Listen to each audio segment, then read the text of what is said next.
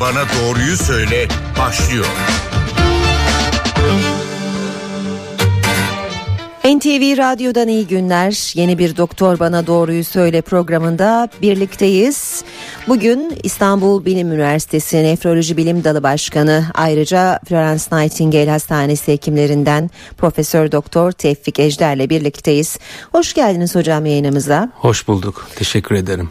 Bugün böbrek sağlığını konuşacağız. Dinleyenlerimiz de sorularıyla programa katılabilirler. Telefon numaramız 0212 335 47 20 335 47 20. Ee, her yıl Mart ayının ikinci perşembe günü Dünya Böbrek Günü. Ee, bu yıl Kadınlar Günü'ne denk geldi hoş bir tesadüf olarak. Temayı da zaten e, buna göre e, seçti e, vakıf ve kadınlar ve böbrek konulu bilgilendirme etkinlikleri düzenlendi. Sebebi de birçok kadının ilk sağlık taramasını hamilelikte yaptığı ve dolayısıyla da böbrek hastalığı olanların ilk farkındalığının bu dönemde olmasıydı. Ee, ama biz genel olarak sadece kadınları değil hepimiz ilgilendirdiği için şöyle soralım. Şimdi biz daha çok böbrek yetmezliği diyebiliriz ama kronik böbrek hastalıkları nelerdir hocam? Evet ee, bir kere kronik böbrek hastalığı çok önemli bir halk sağlığı sorunu. Kronik böbrek hastalığı her kronik böbrek hastası böbrek yetmezliği olmayabilir. Yıllarca kronik böbrek hastalığında yaşayan birçok insan vardır. Ama bunlardan bir kısmı da bir yetmezlik, yetersizlik e, sürecine girer. Bu bir kronik hastalık, yıllar süren hastalık. Hastaların çoğu bu tabloyla yaşıyor. Kronik böbrek hastalığı deyince neler anlıyoruz? Ee, ne sıklıklara bakalım. Hı hı. Bir numara şeker hastalığı. O kadar yaygın ki şeker hastalığı, e, kronik böbrek hastalığının ülkemizde de birçok Batı Avrupa ülkesi, Amerika gibi ülkelerde de bir numaralı nedeni. Şu anda e, mesela her diyalize giren 3 kişiden birinde sebep diyabet. diyabet. İkinci sırada hipertansiyon, yüksek tansiyon var. Üçüncü sırada kronik glomerulonefrit dediğimiz bir takım iltihabi böbrek hastalıkları. Dördüncü sırada da genetik bir hastalık var. Polikistik böbrek hastalığı denen. Hı hı. Bunun dışında daha nadir olarak birçok hastalıklar gidebiliyor. Bu hastalıkların e, çok ortak bir özelliği var. E, çok sinsi seyrediyor. Bulguları Uzun bulgular, miyiz? bulgular evet. Yani hani diyabetik olan bir kişi diyabetik olduğunun farkına bile varmayabiliyor bazen. Yıllar içinde diyabet öğreniliyor ama yıllar içinde yavaş yavaş böbrek yetersizliği etkilenebiliyor. Böbrekler hı hı. etkilenebiliyor. Yüksek tansiyon yine aynı şekilde. Yüksek tansiyonla yaşayan bunun farkında, farkında olup olmadan belki. olup olan var olmayan var. Ee, olmadan olup da şikayeti olmadığı için ilaçlarını düzenli kullanmayanlar hmm. var. Bunların sonucunda da bu yıllar içinde maalesef hasta bize bazen çok ileri aşamalarda gelebiliyor. E, bu sizin en başta söylediğiniz gebelik örneğinde de gebelikte de e, kronik böbrek hastası olduğunu bilmeyen kişiler var. Gebe kalmış hı hı. oluyor. Tabi gebelik çok büyük bir yük vücut için. Bazı problemler başlıyor. Tahliller sonra bir bakılıyor ki kişi aslında kronik böbrek böbrek hastasıymış. Hastası. Evet. Sağlıklı bir böbrekten biz neyi anlamalıyız? Sağlıklı böbrek böbreğimizin fonksiyonları var. Böbrekler e, işte vücutta oluşan e, günlük oluşan toksik maddelerin metabolik artık maddelerin vücuttan uzaklaştırılması, sıvı elektrolit, asit baz dengesi bunları sağlıyor. Günlük yaşantımızda çok çalışkan bir organ.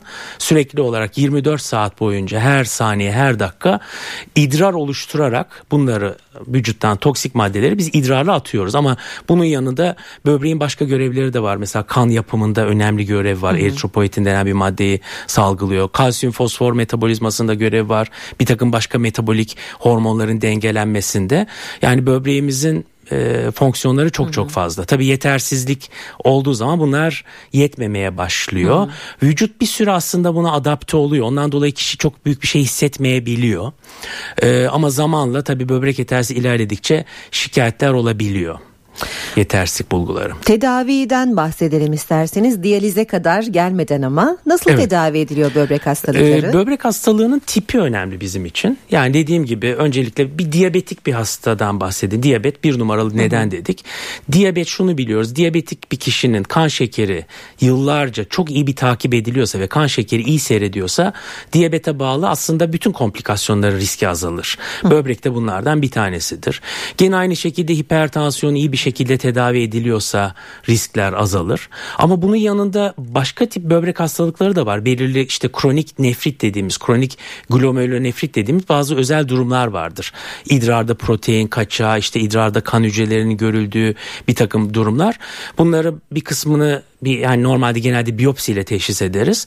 Bunlara yönelik de değişik ilaçlar vardır. Kortizon grubu veya bağışıklığı baskılayıcı başka hı hı. ilaçlar. Yani hastalığın tipine göre hareket edeceğiz hı hı. elbette. Size sorunu aydınlatacağız.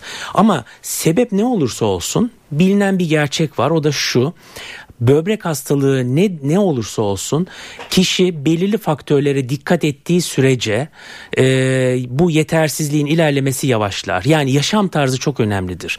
Böbreklerimiz damardan çok zengin olan organlardır. Böbrek damar vücudumuzda genellikle kalp damar sistemini ilgilendiren olumsuzluğa yol açabilen faktörlerden, olumsuz faktörlerden ne kadar uzak durursak böbrekler için de o kadar korumuş, korumuş oluruz. Zamanda. Çok çok önemli. Bunlar da işte mesela sigara bir numaralı faktördür. Hı. En başta gelenlerden biri. Yani bir kronik böbrek hastası sigara içiyorsa böbrek yetersi daha hızlı ilerler. Daha hızlı diyaliz hastası olur. Ee, obezite? Obezite çok çok önemlidir. Obez yani kiloluysa hı hı. riskler artar. Bunun yanında tuz önemlidir. Hipertansiyonun iyi tedavisi çok önemli önemlidir. Hı hı. Tuza dikkat etmesi önemlidir. Ee, tabii ki böbrekleri risk atabilecek bir takım toksik maddelerden uzak durması, ilaçlar, böbreğe zarar verecek, hı hı. bilinçsiz ilaç kullanımı, romatizmal ağrı kesiciler mesela bunlar rutin pratikte hı hı. bizim e, genellikle sorun yaşadığımız hı hı. şeyler.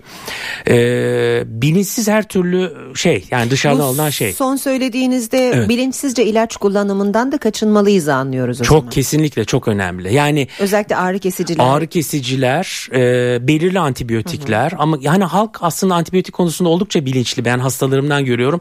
Ağrı kesiciler konusunda aynı bilinci çok görmüyorum aslında. E, bu çok kritik bir şey. Evet. Biz bir ara verelim sohbete. Ee, size soru sormak isteyen dinleyicilerimiz var. Onlardan biriyle konuşalım. Ee, buyurun yayındasınız sizi tanıyalım. Merhabalar. Merhaba buyurun. Ben Murat Duman. E, Sayın hocama e, bir böbrekle ilgili soru soracağım. Mesela ben 70 kiloyum. 70 kiloyum. Evet. Artık günde ne kadar su içmemiz lazım? Su kiloya durumuna göre mi içilmesi lazım? Teşekkür ederiz. E, su konusuna ayrı bir yer açalım hemen. Zaten bizim de konularımız arasındaydı. E, böbrek sağlığı için fazla su tüketmek gerekir mi hocam? Evet şimdi bu bu çok önemli bir konu. Çünkü bu biraz toplumun su, su konusunda bilincinin artması birazcık yanlış bilgilere ve yanlış uygulamalara ve gereksiz endişelere doğru yönlendirdi hmm. insanları. Bu açıdan da aslında bu konunun açıldığına ve ben çok teşekkür ediyorum bu sorunun sorulduğuna. Bir kere öncelikle su demiyoruz biz sıvı diyoruz. Bu çok kritik bir şey. Maalesef toplumda ki bilemiyorum nereden kaynaklanıyor. İlla su olması şartmış gibi bir düşünce var. Yani kişinin içmiş olduğu çay, çorba, işte kahve, hı hı. neyse limonata neyse diğer sıvılar sanki su değilmiş gibi bir Suyun yanlış yanlış bir düşünce var. Bunlar H2O o içeriyor. Yani siz bir suyun içine bir kaşık e, yoğurt koyduğunuzda o ayran oluyor, su olmaktan çıkmıyor. O o açıdan önemli. Biz bunu bu yanlış bilgiyi yıkmak için uğraşıyoruz. Çok üzülüyorum buna. Ama tabii şu var. Yanlış bir şöyle bir yanlış şey çıkmasın. Yani değişik sıvıların alıyorsak onların bir takım dezavantajları örnek. Bitki çayları sürekli, gibi mi? Bitki çayı veya sürekli meyve suyu içiyorsunuz hmm. diyelim.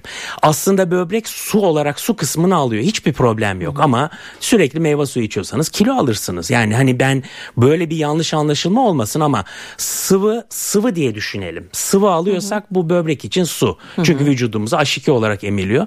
Belki birazcık bu bilginin yanlış yorumlanmasında şeyin de etkisi var. Bazı bilgiler vardır ki e, teorik doğru olmakla birlikte pratik karşılığı yoktur. Hı hı. Örnek mesela çay kahvenin çay veya kahvenin biraz diüretik etkisi vardır. İyi tamam ama yani kişi onları aldığı için vücuttan sıvılar kaybedip vücut hacmi azalıp tansiyonları düşmez sonuçta. Hı hı.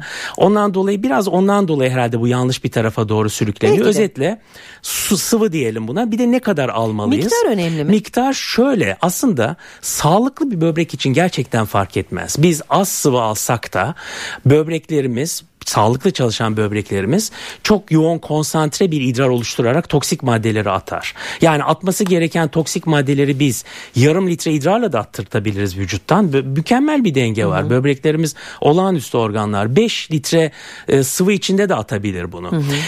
Şuraya ge- gelmeye çalışıyorum. Fazla sıvı tüketmenin avantajının gerçekten olduğu bilimsel olarak yara- yayı ispatlanmış olduğu iki tane durum var. Bir tanesi bir kişi tekrar eden sürekli üriner idrar yolu enfeksiyonları yaşıyorsa durmadan enfeksiyon böyle insanlar vardır. Hı hı. Durmadan idrar yolu iltihapları oluşuyorsa fazla sıvı almak bu idrar yolu enfeksiyonu riskini azaltır. Hı hı. Yani kişi 10 enfeksiyon geçiriyorsa belki 5 enfeksiyon geçirir. Bariz azaltır. Tamamen ortadan hı hı. kaldırmasa bile azaltır. İkincisi de tekrarlayan taş hikayesi olan kişiler varsa taş oluşum riskini azaltır.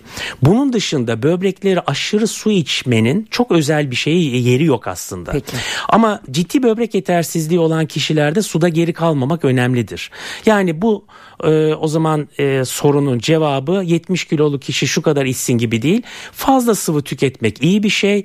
Bunun özellikle miktarı miktarı konusunda çok fazla e, takılmamak lazım Peki. diye düşünüyorum. Bir dinleyicimiz daha var hocam. Evet. Hemen kendisiyle konuşalım. Buyurun yayındasınız. Sizi dinleyelim. Ee, adım Mustafa Alan. Ee, böbreklerimde e, kistler var benim. E, sağ ve sol böbreklerimde. Sağ böbreğimdeki kis e, 4,5 santime yakın. Ama sol böbreğimdeki 10 santime yakın kis var. E, bunları nasıl yapmam lazım? Ama bu kistlerin, küçük kistlerin yanında tabii büyük kistlerin yanında yanında küçük kistlerim de var. E, delik süreyle bir ilaç kullanıyorum. E, ne yapmam lazım? Yani mesela sol tarafıma yatamıyorum. Yattığım zaman ağrılarım oluyor benim. Peki. Evet ailede kistin olup olmamadığı da çok önemli. Ailede böyle bir kistlerle giden hastalık var mı? Bu, bu önemli. Belki şey oldu. Hatta evet. mı dinleyicimiz? Evet. E, hayır ama biz devam tamam, edelim cevaplamaya. Tamam. Ee, Ailede bir kist şimdi, şimdi bu çok önemli? önemli bir şey. Çünkü kişinin yaşı, ailedeki hikaye önemli. Çünkü basit kist denen bir e, durum var. Basit böbreğin basit kistleri. Bunların sayıları da fazla da olabiliyor. Bunlar e, endişelenecek bir durum değildir. Basit kistler. Hı hı. Ama kesin emin olmak gerekiyor. Basit kist mi? E, yani ben size şöyle söyleyeyim. Yaş ilerledikçe bir de yaş da sorulması lazım. Yani toplumda mesela siz 55-60 yaş üzerinden 100 kişiyi sokaktan çevirseniz hepsine ultrason yapsanız en azından yarısında basit kist görürsünüz. Ve bunlar yaş ilerledikçe de artar. Hı hı. Sayıları artar büyüyebilir. Ama Roma Burada tabii ki şundan emin olmak lazım. Daha önce konuşmam başında söyledim. Bir hastalık var ki bunun adı polikistik böbrek hastalığı. Evet. Bu bir genetik hastalık. Böbrek yetersizliğinin dördüncü sıklıktaki nedeni. O yüzden ailede böyle bir hikaye var mı? Bu bir polikistik böbrek hastalığı mı değil mi? Tetkik etmek lazım. O yüzden ben kendisini dinleyicimizin mutlaka bir doktora başvurmasını Başvur. öneriyorum. Muhtemelen hadi bir tansiyon ilacı alıyor. Tansiyon yüksekliği hmm. de var. Ee, ikisi arasında çok büyük fark var. Bir tanesi böbrek yetersizliği yapma potansiyeli ve diyalize götürme potansiyeli olan bir hastalık. Diğeri de hiçbir zaman böbrek yetersiz yapmayacak bir hastalık ama tabii ki bası etkisinle kişide bakın şikayetler yapıyormuş. Eğer gerçekten çok büyük hacimlere ulaşıp kişide baskı hissi yapıyorsa bunlar boşaltılabilir.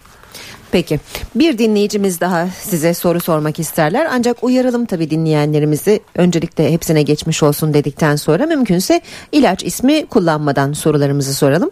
Ee, buyurun yayındasınız sizi dinleyelim.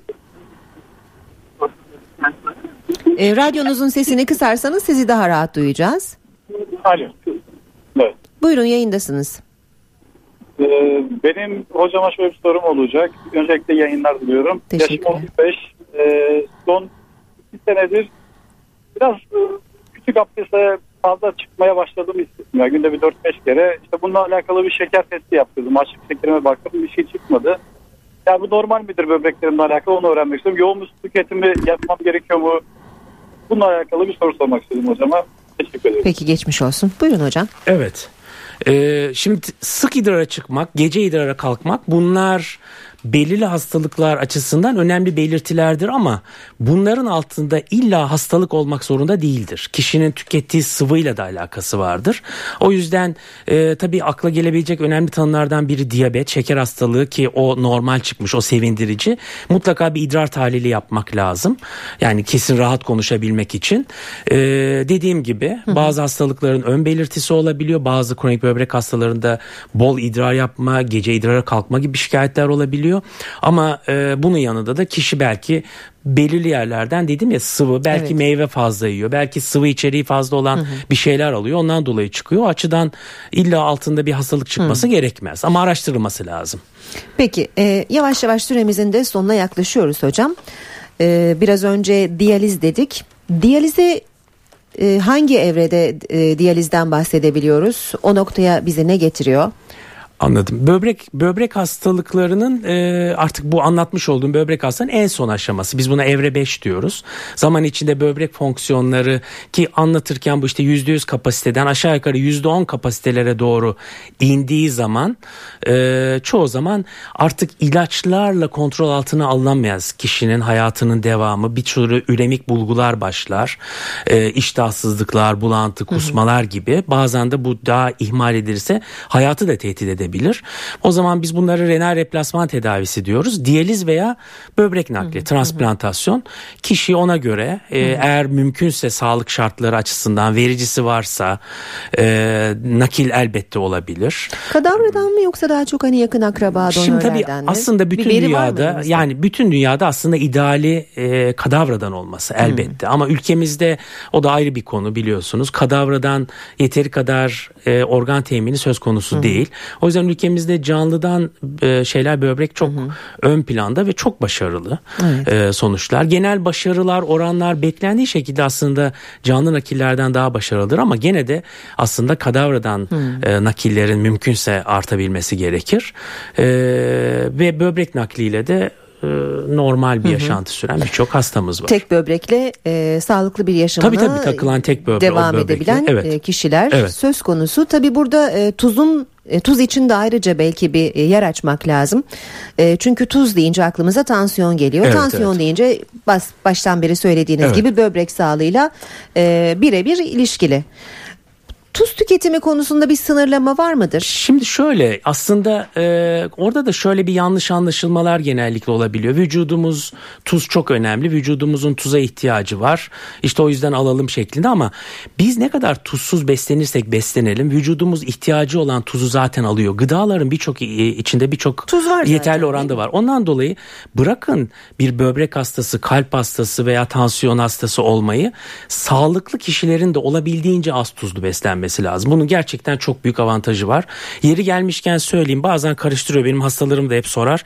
Bu Himalaya tuzu, kaya tuzu, okyanus tuzu bunların hepsi tuz. Hmm. Yani sodyum klorür. Biri diğerinden İçinde, daha hayır, iyi diye değil. bir şey yok. Yani. İçinde bazılarında çeşitli belki elementler var, çeşitli mineraller var doğru ama onları alalım diye onları başka yerden de alabiliriz. Hı Onları alalım diye sodyum klorür almanın e, yani çok daha büyük dezavantajları Peki. var.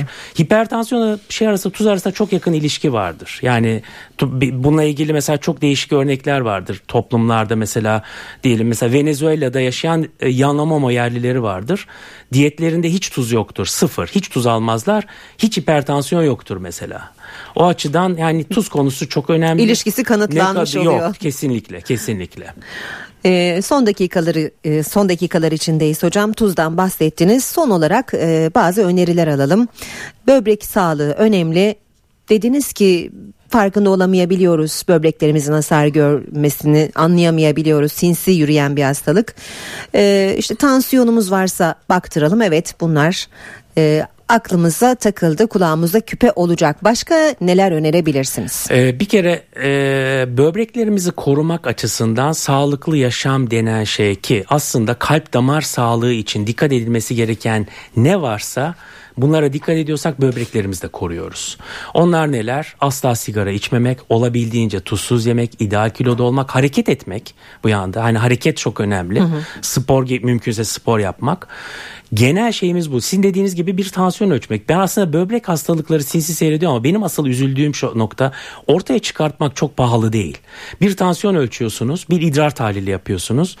Birçok hastayı erken aşamada teşhis ediyorsunuz. O açıdan rutin check-up, tahliller yapıldığı sürece ve bunlara dikkat edildiği sürece hasta olanlar elbette şikayetsizlik demek hastalık yok demek değil. Hı hı. Yani diyabetik bir kişinin kan şekeri yüksek gidebilir, kan basıncı yüksek olan bir kişinin tansiyonu yüksek gidebilir ve hiçbir şikayeti olmayabilir ama bu vücudu sinsi sinsi böbreklerimizi yıpratabilir. Bundan dolayı hem hipertansiyonda hem de diyabete sessiz katil denir. Bundan dolayı biz bunlar konusunda bilinçli olursak eğer çok daha sağlıklı bir şekilde evet. yaşamamız mümkün olacaktır. Peki çok teşekkür ediyoruz. Ben teşekkür Konuk ederim. olduğunuz ve verdiğiniz bilgiler için. Teşekkür ederim. Bugün İstanbul Bilim Üniversitesi Nefroloji Bilim Dalı Başkanı Profesör Doktor Tevfik Ejder'le böbrek sağlığını konuştuk. Yeni bir doktor bana doğruyu söyledi. Buluşmak üzere hoşçakalın.